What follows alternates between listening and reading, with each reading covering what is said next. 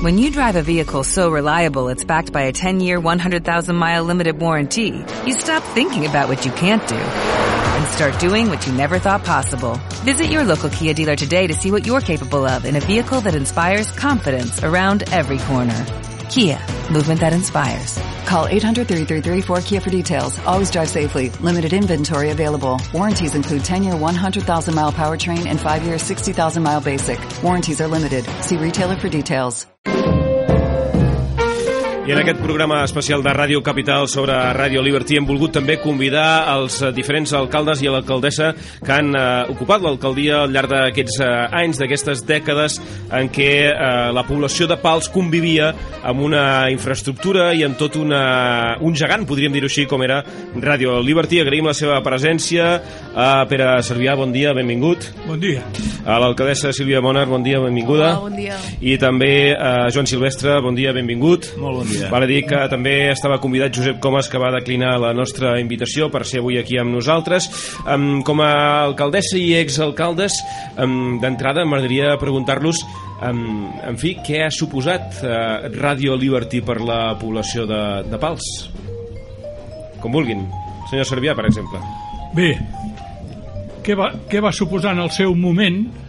Doncs, eh, en un moment en què en el país, la comarca, no solament a Pals, doncs no hi havia massa feina, doncs va suposar que una quantitat de gent més o menys important va tenir ocasió de treballar-hi. Per tant, això ja va ser un bé així d'entrada.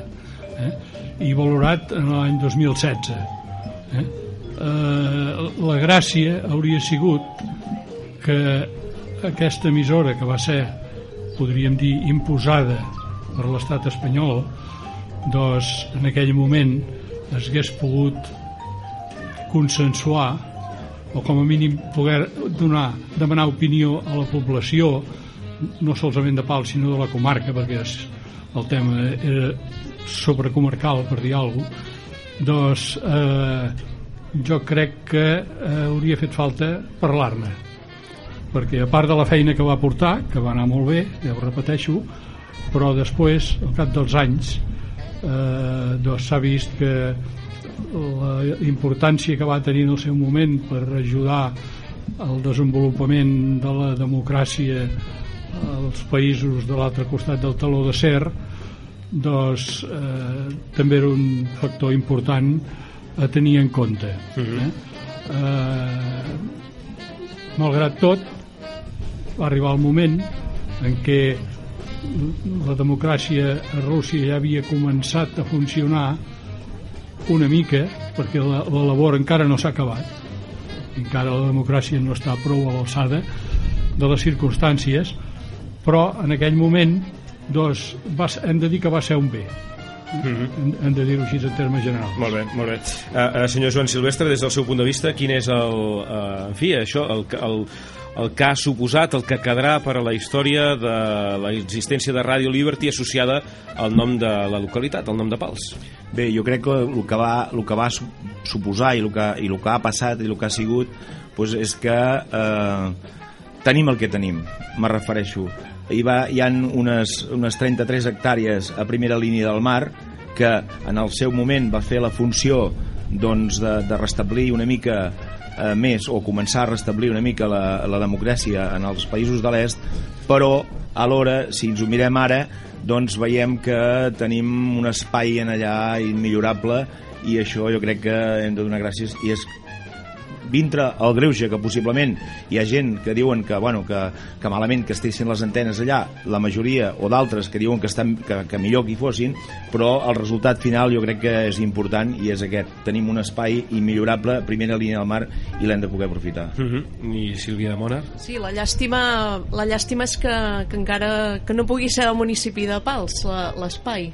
Evidentment, el, el que estaria bé és que l'Estat ens ho hagués cedit en el seu moment mm, llavors el poble hagués pogut fer alguna cosa amb aquest entorn eh, sí que ara podem dir que està preservat perquè tenim un espai natural eh, molt important i realment si no hi haguessin hagut, si, si no hi haguessin hagut les antenes allà no tindríem les espècies protegides que hi ha eh, etc. llavors el parc natural en gran part també estan allà eh, perquè, perquè hi ha aquest espai. Mhm. La, la, la, la tanca i tot l'espai, diguem-ne així, eh, eh, que estava mm, bloquejat a l'accés públic va permetre salvaguardar doncs, una determinada flora, una determinada fauna, eh, un espai natural determinat. En, en quina mesura aquest factor que comentava l'alcaldessa ha sigut uh, fla, uh, un factor clau? És a dir, uh, el fet de no poder gestionar l'espai o la propietat de l'espai des del propi municipi, no? Sí, clar, això en, ens hagués agradat molt poder... Tot i que l'Ajuntament tampoc té la capacitat per, per gestionar una zona tan, tan gran, no? Però, vaja, mm, sí que, repeteixo, hauria de ser del municipi, hauria de tornar, doncs, eh, al poble. Lògicament, a la taula de l'alcaldessa i exalcaldes doncs, hi tenim diguem així, generacions diferents i, per tant, des d'un punt de vista ja més personal, eh, quin record, sobretot, eh, aquelles persones que ens puguin aportar un testimoni més de, de la infantesa, de, de, de, de la joventut, dels anys en què es va començar a remoure el terreny, es va construir... Clar, allò, en, en el pals de l'època, devia ser una sorpresa gegantina, m'imagino.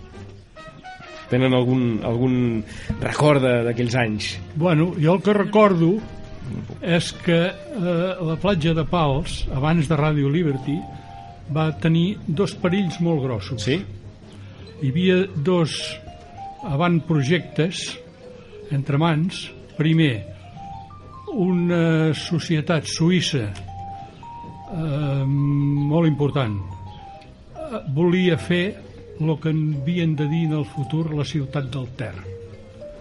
I això bastava tot el front entre la platja de Pals i l'Estartit. Per tant, imaginem-se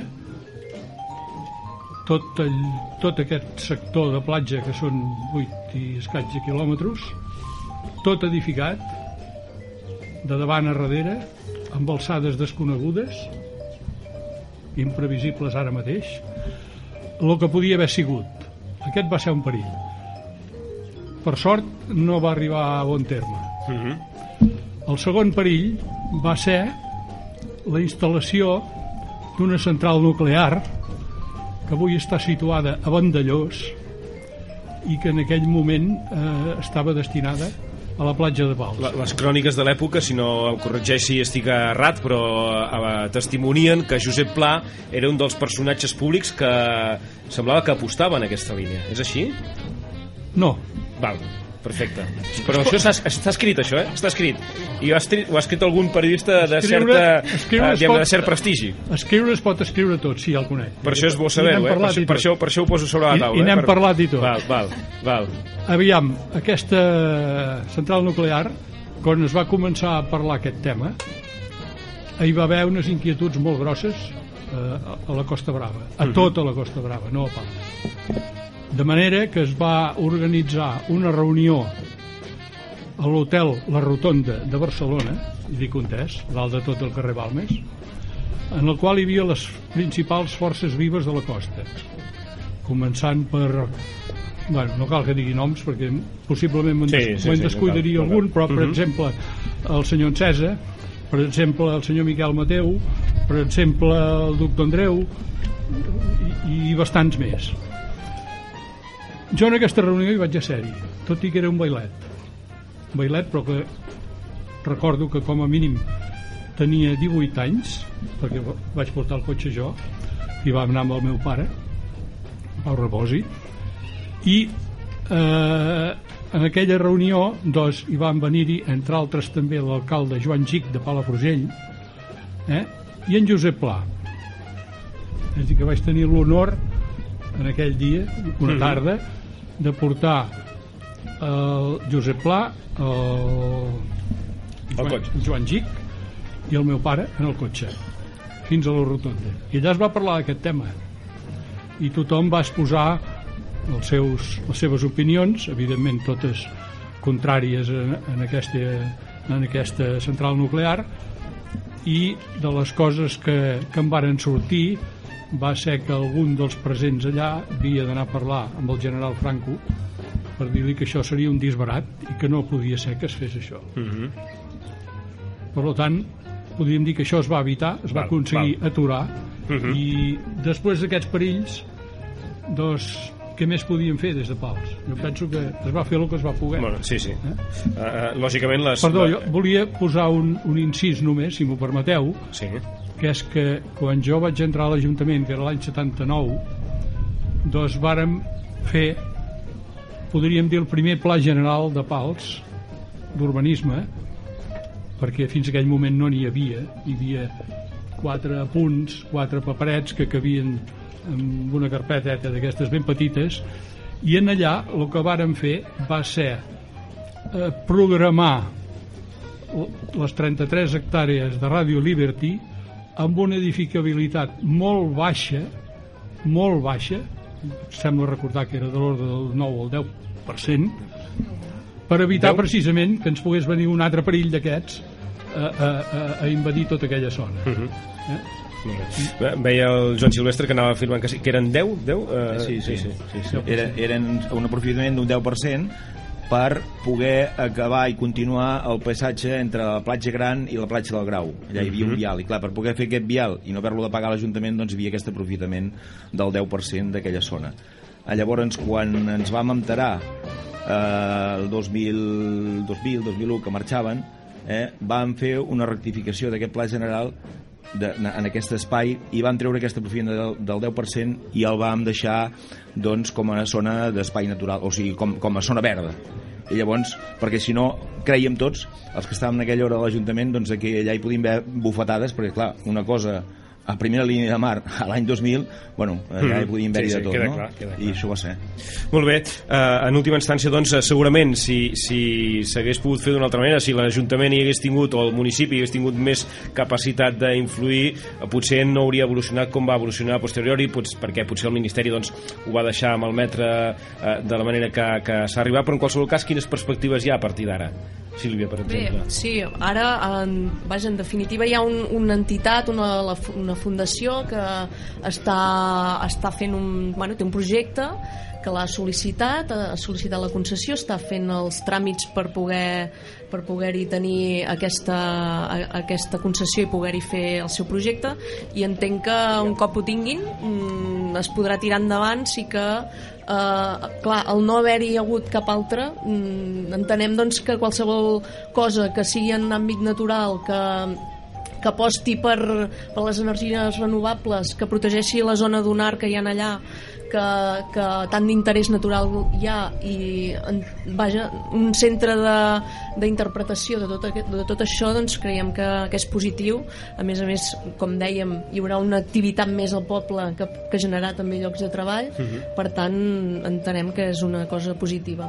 Estarem atents doncs, a l'evolució d'aquestes perspectives de futur per aquest espai on eh, hi havia Ràdio Liberty, amb Pere Servià, Joan Silvestre, Sílvia Moner, moltes gràcies també per acompanyar-nos en aquest programa especial de Ràdio Capital sobre Ràdio Liberty. Gràcies i fins una altra. Gràcies. Moltes gràcies a vosaltres.